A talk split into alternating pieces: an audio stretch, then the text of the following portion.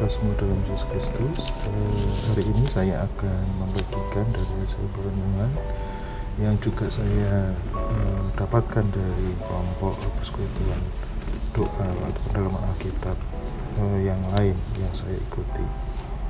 Eh, hari ini saya ingin membagikan dari Matius 11 ayat 20 sampai dengan 30 uh, di dua eh, di ayat 20 sampai 30 ini kita melihat di Alkitab oleh lembaga Alkitab Indonesia diberi judul Yesus mengecam beberapa kota dan di bagian kedua 25 sampai 30 uh, diberi judul ajakan juru selamat.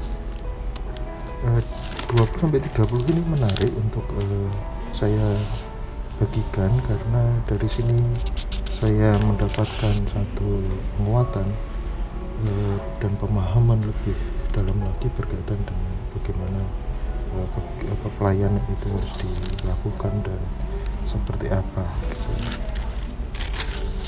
baik uh, saya akan mencoba untuk uh, membagikan uh, tidak per ayat begitu ya tapi mungkin uh, secara uh, umum begitu yang dapat saya bagikan jadi saya akan mulai dengan ayat uh, 20 sampai dengan 20 24 terlebih dahulu.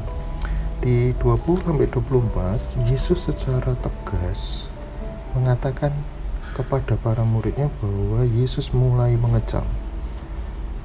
Karena kota-kota eh, mengecam kota ya jadi kota-kota ini kenapa dikecam Yesus? Karena kota-kota ini tidak bertobat atau tidak berpaling kepada Allah walaupun di kota-kota ini eh, Yesus sudah melakukan banyak mukjizat uh, karya penyelamatan Allah tapi uh, ternyata orang-orang di daerah kota-kota yang disebutkan oleh Yesus di ayat 21 ini uh, tidak juga menyadari bahwa uh, semua hal yang sudah mereka lihat bahkan mereka rasakan itu adalah dari Allah dan itu adalah satu bentuk undangan keselamatan bagi mereka. Jadi mereka seperti tidak uh, mau untuk menerima itu maka Yesus kemudian mulai mengecam kota mana saja itu. Di ayat 21 kita bisa lihat yaitu kota Korasim, eh, lalu kota Betsaida, dan kalau kita baca eh, lanjutannya di ayat 23, Yesus juga mengecam Kapernaum. Jadi ada uh, tiga kota yang disebutkan oleh Yesus di dalam uh, perikop ini dan Yesus mulai mengecam kota-kota ini dengan alasan yang tadi dengan kondisi tadi. Nah, yang menarik adalah uh, ketika Yesus mulai mengecam di ayat 21 uh, Korasim dan Betsaida. Yesus membandingkan dengan Tirus dan Sidon. Kita tahu di kalau kita buka di peta Alkitab di belakang Alkitab tercetak kita, uh, di sana ditujukan bahwa antara Korasim, Betsaida, dan Kapernaum itu kan uh, kota yang berdekatan begitu ya di daerah Danau Galilea di dekat sana. Dan Yesus banyak sekali melakukan di, di kota-kota itu. Tapi kalau kenapa Yesus membandingkan dengan Tirus dan Sidon? Yesus melihat bahwa e, karya penyelamatan yang luar biasa terjadi di Korasim dan Bisaida dan Kapernaum itu tidak sampai membuat orang-orang di kota-kota ini tuh kembali seperti yang sudah saya katakan e, menyadari bahwa ini adalah karya keselamatan Allah dan undangan untuk mereka bisa berpaling kepada Allah. Nah, apa yang uh, Yesus pernah melakukan uh, tercatat di Matius 15. Di Matius 15 kalau kita lihat di Matius 15, nah saya juga sambil melihat di ayat 21 sampai 28 di sana uh, Yesus pergi dari situ dan menyingkir ke daerah Tirus dan Sidon. Nah, di daerah Tirus dan Sidon datanglah perempuan Kanaan yang memohon belas kasihan Yesus untuk dapat mengusir uh, setan dari uh, anaknya begitu ya. Karena anak perempuan uh, perem, uh, anak perempuannya itu adalah kerasukan setan dan sangat menderita. Dan di situ ada percakapan yang luar biasa juga yang dapat kita pelajari. Jadi Yesus uh, menunjukkan bahwa uh, panggilan keselamatan itu pada orang uh, Kanaan yang di daerah Tirus dan Sidon itu walaupun uh, Yesus mencoba untuk uh, dengan mengatakan kata-kata yang mungkin menyakitkan bagi perempuan itu. Bagi saya saya membacanya memahaminya gitu ya. Tapi perempuan itu dengan keyakinannya dengan iman percayanya kepada Yesus sehingga dia dengan berbelas kasih ber, ber, memohon berkas belas kasihan dari Yesus dengan merendahkan dirinya luar biasa dan ketika Yesus melihat iman perempuan Kanaan ini Yesus kemudian menyembuhkan anak perempuannya. Sehingga dari situ kita bisa melihat bahwa Yesus uh, uh, sangat uh, mensyukuri begitu ya uh, apa yang bisa terjadi di daerah Tirus dan Sidon uh, khususnya kepada perempuan kanan itu. Sehingga Yesus dengan jelas di ayat 21 uh, karena jika di Tirus dan Sidon terjadi mujizat-mujizat yang telah terjadi di tengah-tengah kamu jadi kalau seandainya mujizat kecil aja yang terjadi uh, mungkin kecil ya bagi seorang perempuan kanan itu bisa mengubahkan mengubahkan perempuan kanan itu apalagi kalau seandainya di Tirus dan Sidon itu bisa di uh, tunjukkan mujizat karya perselamatan Allah gitu. Yesus ingin sebetulnya ingin menunjukkan bagi saya menangkapnya Yesus ingin menunjukkan perbandingan di sana ya. di Kosari di Korasim dan Besaida aja aku melakukan banyak pekerjaan tapi kamu tidak mau berpaling kepadaku kepada Allah Bapa tapi di Tirus Sidon hanya dengan satu seorang perempuan itu bisa menyelamatkan sehingga kemudian dari situ uh, kalau kita lihat di ayat 23 uh, eh, Yesus kemudian melanjutkan dengan Kapernaum. Di Kapernaum Yesus membandingkan dengan Sodom. Jadi kita tahu cerita Sodom juga ya. Jadi di situ Yesus kemudian bandingkan. Sebetulnya antara Kapernaum dengan Sodom itu eh, sama-sama kota yang sebetulnya uh, apa ya sudah dilakukan banyak mujizat gitu ya. Tapi juga ternyata Eh, di tengah-tengah mereka tidak mau berpaling atau menerima karya keselamatan itu sehingga uh, dari kecaman itu kita bisa melihat bahwa sebetulnya kalau kita ya kita sebagai manusia ini melihat Yesus sudah melakukan karya pelayanan di sana di kota-kota Besaida, Korazin, Kapernaum yang luar biasa. Tapi pertanyaannya apakah pelayanan itu dapat kita kan dikatakan berhasil karena di, kota itu ternyata di tengah-tengah mereka tidak mau berpaling pada Allah. Dari situ eh, saya melihatnya pelayanan Yesus di kota-kota ini eh, boleh dikatakan gagal, mengecewakan. Sebaliknya kalau eh, dilihat di Tirus dan Sidon. Nah, ketika pelayanan Yesus itu Yesus kecewa gitu ya secara manusia Yesus kecewa dengan kondisi itu sudah dilakukan pelayanan luar biasa tapi di tengah-tengah tiga kota yang disebutkan di sini ternyata tidak ada yang mau berpaling atau tidak mau mengenal keselamatan dari Allah Bapa sendiri. Yesus kecewa dan pelayanan itu boleh dikatakan gagal. Walaupun pelayanan itu sudah dengan luar biasa sudah dilakukan. Nah, dalam konteks ini kalau kita bandingkan eh, kemudian di Lukas 10 ayat 13 sampai 15 seperti yang eh, ditulis dirujukan di Alkitab Lukas 10 ya, Lukas 10 ayat 13 sampai eh, 15. Lukas 10 ayat 13 sampai 15. 13 sampai 15. Yesus mengecam beberapa kota juga. Nah, sebelum Yesus mengecam beberapa kota kalau kita lihat uh, Lukas 10 ayat 1 sampai dengan yang ke-12 di situ Yesus uh, mengutus 70 murid. Jadi Yesus mengutus 70 murid mendahuluinya mendahuluinya ke setiap kota dan tempat yang hendak dikunjunginya oleh Yesus ya. Jadi uh, Yesus mengutus 70 uh, orang murid dengan kuasa yang luar biasa juga begitu ya dan diberikan perintah uh, cukup uh, jelas di ayat 1 sampai 12 itu. Ketika murid-murid 70 itu berangkat begitu uh, lalu kemudian Yesus mulai mengecam. Ya seperti yang kita baca di Matius uh, tadi ya 20, uh, 11 ayat 20 sampai 24 tadi. Nah, Yesus mengecam. Nah, ketika Yesus sudah mengecam, lalu di kitab Lukas dituliskan bahwa ke-70 murid itu uh, kembali.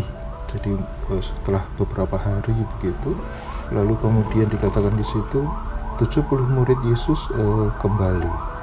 Kembali lalu kemudian dari sana murid-murid Yesus yang 70 yang sudah diutus itu kemudian menceritakan. Kemudian mereka dengan bangga dengan uh, senang luar biasa begitu ya menceritakan uh, bahwa mereka bisa mengusir setan bisa uh, apa itu menahan kekuatan musuh gitu ya dan segala macam di situ sudah disebutkan.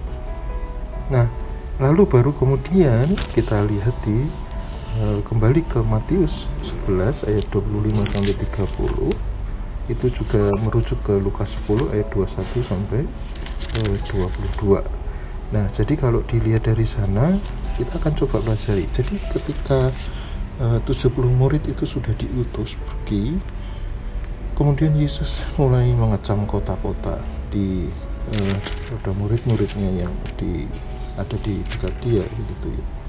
Yesus mengatakan e, saya kecewa itu yang gitu ya dengan kota uh, Besaida, Kapernaum, Korazin gitu. Saya sudah melakukan baik pelayan di sana, tapi ternyata uh, di tengah-tengah mereka tidak berpaling kepada Allah.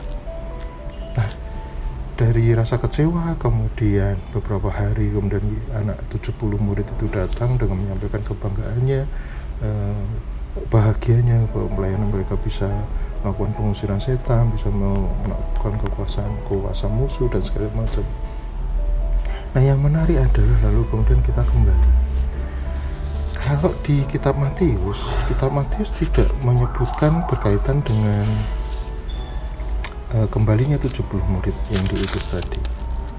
Demikian juga di kitab Matius tidak diceritakan Yesus mengutus 70 murid. Nah kalau kita lihat itu maka penekanannya bisa kita uh, apa bisa kita pahami dengan uh, perspektif yang mungkin bermacam-macam gitu ya. Tapi kalau boleh saya bagikan eh, dari hasil perenungan dalam eh, pendalaman Alkitab yang saya ikuti juga eh, yang menarik adalah kita lihat dulu yang Matius. Jadi ketika di situ tidak diceritakan soal eh, 70 murid yang diutus lalu kembali lalu kemudian baru Yesus eh, mengajak eh, memberitakan tentang ajakan juru selamat. Di ayat 25 sampai 30 Matius 11 ayat 25 sampai 30 e, pada waktu itu berkatalah Yesus ayat 25 ya Aku bersyukur kepadamu Bapa Tuhan langit dan bumi karena semuanya itu engkau sembunyikan bagi orang bijak dan orang pandai tetapi engkau nyatakan kepada orang kecil.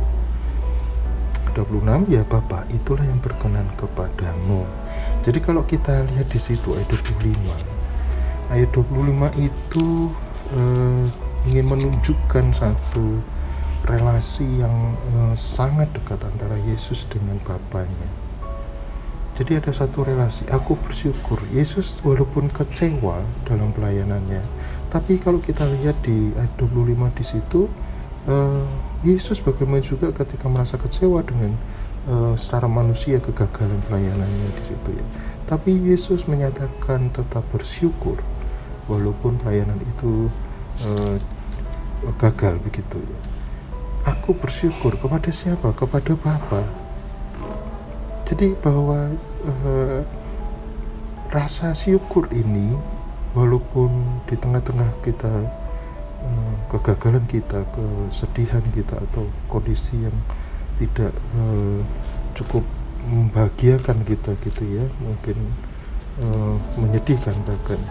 Tapi Yesus tetap uh, menyampaikan rasa syukur itu karena Yesus sangat paham bahwa semua pelayanan yang dilakukannya semua mukjizat yang boleh dilakukannya itu adalah karena Bapa di surga. Itu adalah karena kehendak Bapa di surga.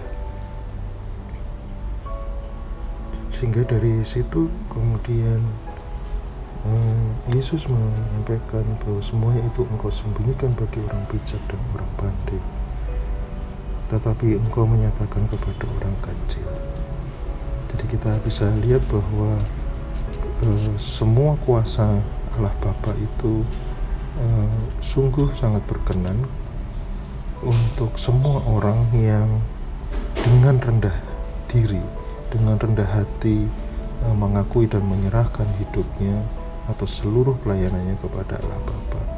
Dan Yesus adalah uh, salah satu yang bisa kita lihat dengan sangat jelas di ayat ini.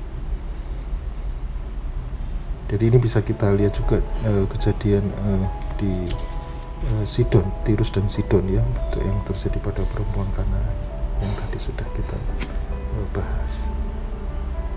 Jadi sekali lagi walaupun Yesus kecewa tapi Yesus tetap bersyukur. Yesus tetap bersyukur.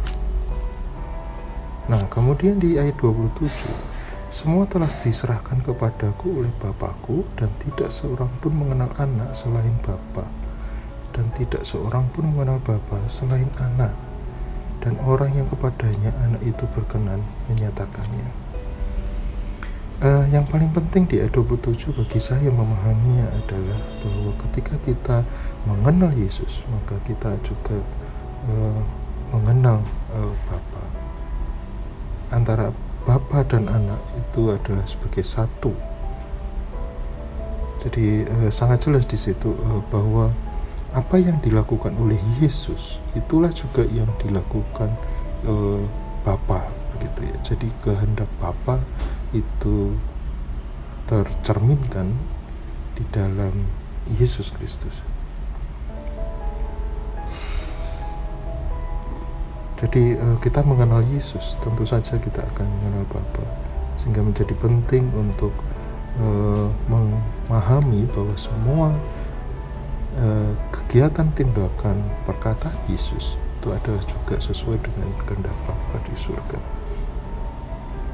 Sehingga dalam kondisi yang mungkin kecewa, kondisi yang lelah begitu ya karena sudah merasa melakukan banyak aktivitas pelayanan, mungkin uh, banyak melakukan eh, kegiatan-kegiatan di gereja gitu ya sampai kita lelah mungkin sampai kita bahkan uh, ada konflik gitu dengan satu tim pelayanan dan segala macam. Tapi dari sini Yesus ingin mengajak bahwa tetaplah bersyukur dengan kondisi itu segala sesuatunya. Karena pelayanan itu bukan dari kamu bukan dari kita sendiri sebagai manusia.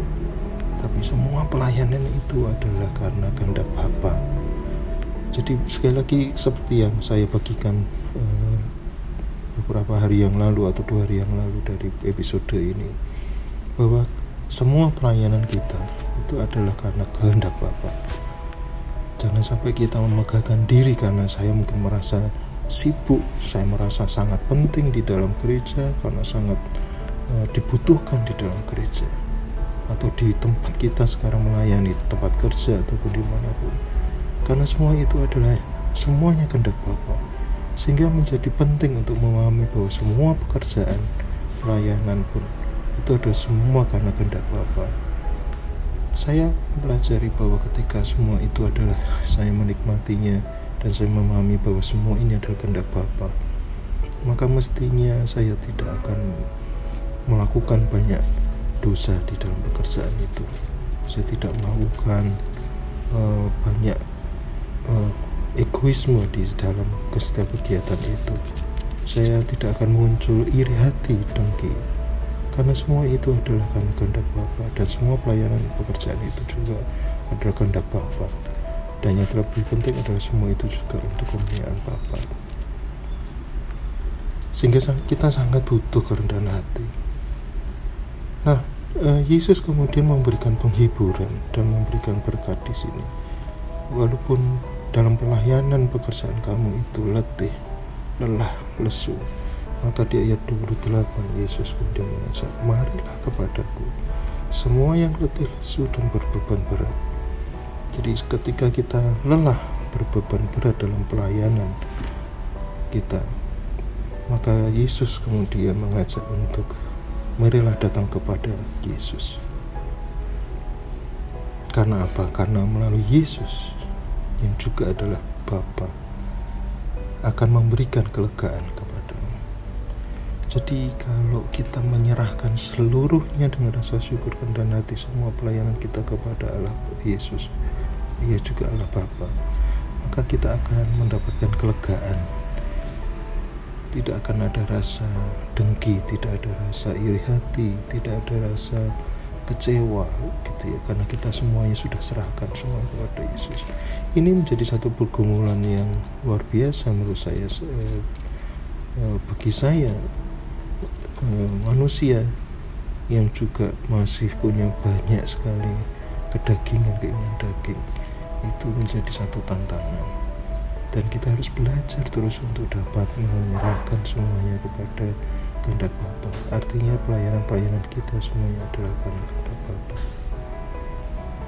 Nah, bagaimana caranya agar kita bisa uh, datang dan menyerahkan semua keletihan kita dan beban berat kita? Maka Yesus di ayat 29 dan 30 Ikulah kuk yang kupasang dan belajarlah kepadaku karena aku lemah lembut dan rendah hati dan jiwamu akan mendapat ketenangan. Sebab kuk yang kupasang itu enak dan bebanku pun ringan. Jadi kuk ini kalau mungkin di uh, di uh, ketika bertani gitu ya ketika membajak sawah uh, ada dua sapi atau kerbau begitu yang dua-duanya akan dipasang satu uh, kuk begitu yang mengkaitkan satu sama yang lain dan biasanya uh, dua sapi atau kerbau ini ada yang uh, mungkin lebih senior daripada yang lain gitu.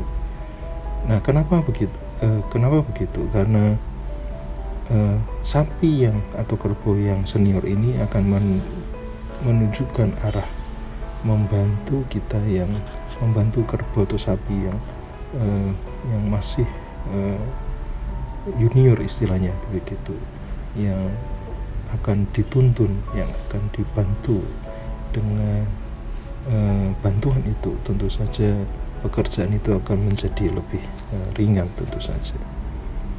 Sehingga Yesus ketika memberikan cara ini teknik ini maka kita bisa mendapatkan pemahaman bahwa kuk yang dipasang oleh Yesus itu adalah kuk yang enak. Sehingga dengan kita dipasang kuk bersama dengan Yesus maka beban kita akan menjadi ringan. Nah uh, dalam perspektif yang uh, sedikit berbeda kita bisa melihat ketika di Lukas gitu ya, di Lukas uh, setelah kembalinya 70 murid tadi dengan rasa bangga mereka begitu ya dengan rasa bering uh, maka karena mereka bisa melihat uh, menunjukkan karya uh, penyelamatan bisa melakukan setan tadi segala macam ya. Oke lalu kemudian di ayat ke-18 Yesus memberikan juga satu hal penting di dalam pelayanan uh, 70 murid ini 18 lalu kata Yesus kepada mereka Aku melihat iblis jatuh seperti kilat dari langit. Sungguhnya aku telah memberikan kuasa kepada kamu untuk menginjak ular dan berjengking dan kuasa untuk menahan kekuatan musuh Sehingga tidak ada yang akan membahayakan kamu. Namun demikian Janganlah bersuka cita karena roh-roh itu takluk kepadamu Tetapi bersuka citalah karena namamu ada terdaftar di surga jadi penekanan yang penting dari sini adalah bahwa ketika kita diberi kuasa, ketika kita diberi kemampuan dan diberikan uh, tanggung jawab dalam pelayanan, maka sekali lagi bahwa semuanya itu untuk dapat menyukakan kita karena kita dapat melayani uh, Allah Bapa sesuai dengan kehendaknya. Yesus memberikan uh, uh, satu pengertian janganlah kamu uh, menjadi tinggi hati karena kamu punya kuasa menerima kuasa itu tapi yang lebih penting adalah uh, kamu harus bersuka cita bahwa karena namamu karena nama kita murid-murid Yesus Kristus yang sudah menerima pelayanan dan kuasa dari Allah Bapa sudah terdaftar di surga. Jadi sukacita dalam pelayanan itu bukan karena kegiatan pelayanan, bukan karena kuasa yang kita perlu untuk pelayanan kita, tetapi adalah yang menjadi penting karena sukacita itu adalah karena nama kita sudah terdaftar di surga. Pemahaman itu menjadi jauh lebih penting daripada kita harus berusaha sekuat tenaga kita sendiri untuk menjadikan bahwa saya merasa menjadi orang penting dalam pelayanan. Saya merasa harus menjadi terkenal di dalam pelayanan. Itu tidak ada gunanya semua.